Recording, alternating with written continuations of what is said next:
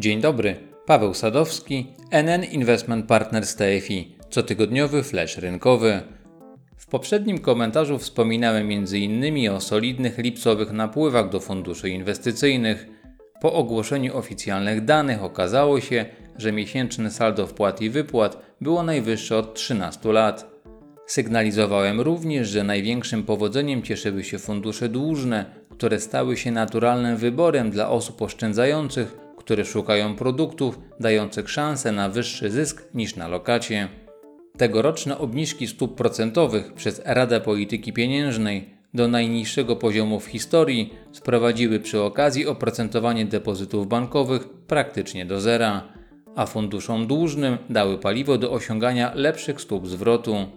Oczywiście trudno realnie zakładać, że te ponadprzeciętne wyniki wygenerowane w pierwszej połowie bieżącego roku zostaną powtórzone w najbliższych miesiącach, ale wciąż produkty tego typu dają szansę na dostarczenie zysku przewyższającego oprocentowanie bankowych lokat. Powracając jeszcze do statystyk dotyczących krajowego rynku funduszy inwestycyjnych, to w lipcu utrzymało się dodatnie saldo sprzedaży w funduszach akcji plus 0,2 miliarda złotych. Środki ponownie płynęły głównie do funduszy akcji zagranicznych skupionych w obrębie spółek technologicznych. Jeżeli chodzi o fundusze akcji polskich, to dodatni bilans sprzedaży odnotowały produkty akcji małych i średnich spółek plus 28 milionów złotych.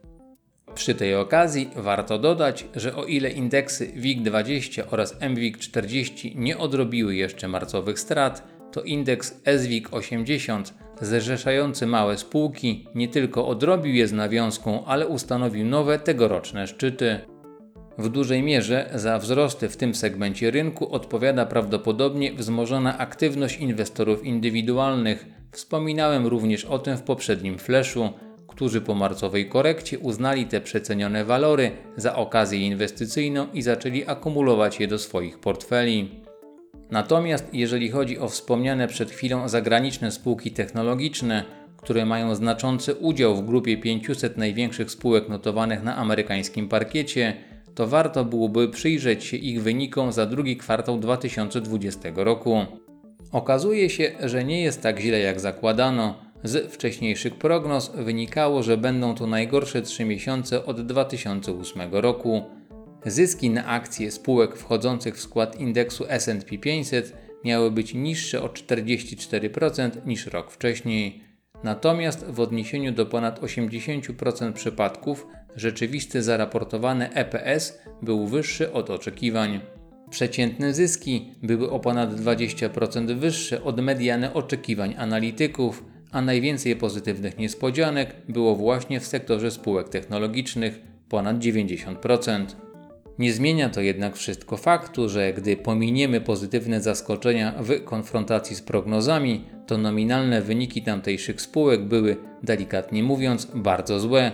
Spadek o ponad 30% względem drugiego kwartału 2019 roku. Jeżeli chodzi o predykcje na kolejne kwartały, to konsensus rynkowy zakłada, że dopiero w pierwszych trzech miesiącach 2021 roku zobaczymy dodatnią dynamikę zysków. Mając to na uwadze oraz pamiętając, że w drugim kwartale bieżącego roku S&P 500 poszedł w górę o prawie 20%, jest to przy okazji jeden z czterech najlepszych rezultatów w historii tego indeksu, to można uznać, że ta przyszła prognozowana poprawa wyników została już uwzględniona w wycenach akcji.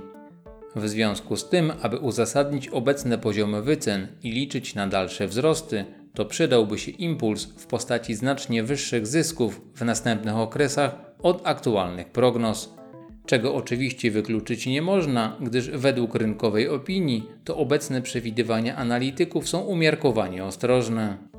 Z drugiej jednak strony poziom wspomnianego indeksu znajduje się blisko historycznych szczytów i może to zachęcać do realizacji godziwych zysków i szukania tańszych akcyjnych alternatyw. Bez dwóch zdań jest jeszcze zdecydowanie zbyt wcześnie, aby uznać, że ten scenariusz zaczął być już rozgrywany przez uczestników rynku, ale wartym odnotowania jest fakt, że w drugim tygodniu sierpnia, w dniu spadkowej sesji w USA, mieliśmy do czynienia z największym od 2017 roku dziennym napływem środków do największego regionalnego funduszu ETF odzwierciedlającego zachowanie europejskich akcji. To tyle na dzisiaj i do usłyszenia.